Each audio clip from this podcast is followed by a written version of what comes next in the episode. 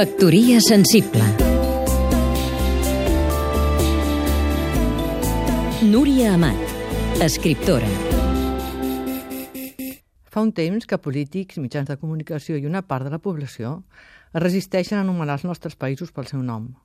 Paraules com Espanya o Catalunya semblen problemàtiques, preferint a utilitzar la fórmula estat espanyol o simplement estat, tot pensant equivocadament que amb aquesta modificació el parlant espanyol i català d'un i altre bàndol manifesta millor la seva llibertat identitària sobiranista. Anem a aclarir el malentès. Durant 40 anys de dictadura, Francisco Franco no va tenir més remei que omplir-se la boca amb la paraula estat, degut a que antifeixistes i demòcrates deien i escrivien Catalunya i o Espanya en la moció antifranquista que el terme comportava.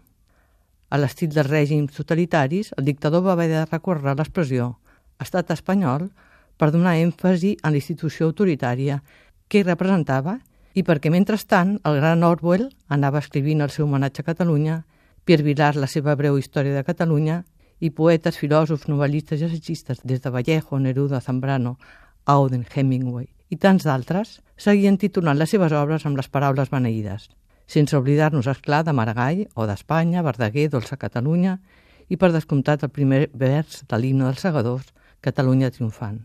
Plou en tot l'estat espanyol, que hem sentit dir. És com diria el meu pare, una barrabassada lingüística.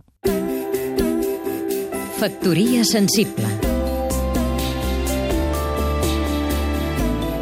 Seguim-nos també a catradio.cat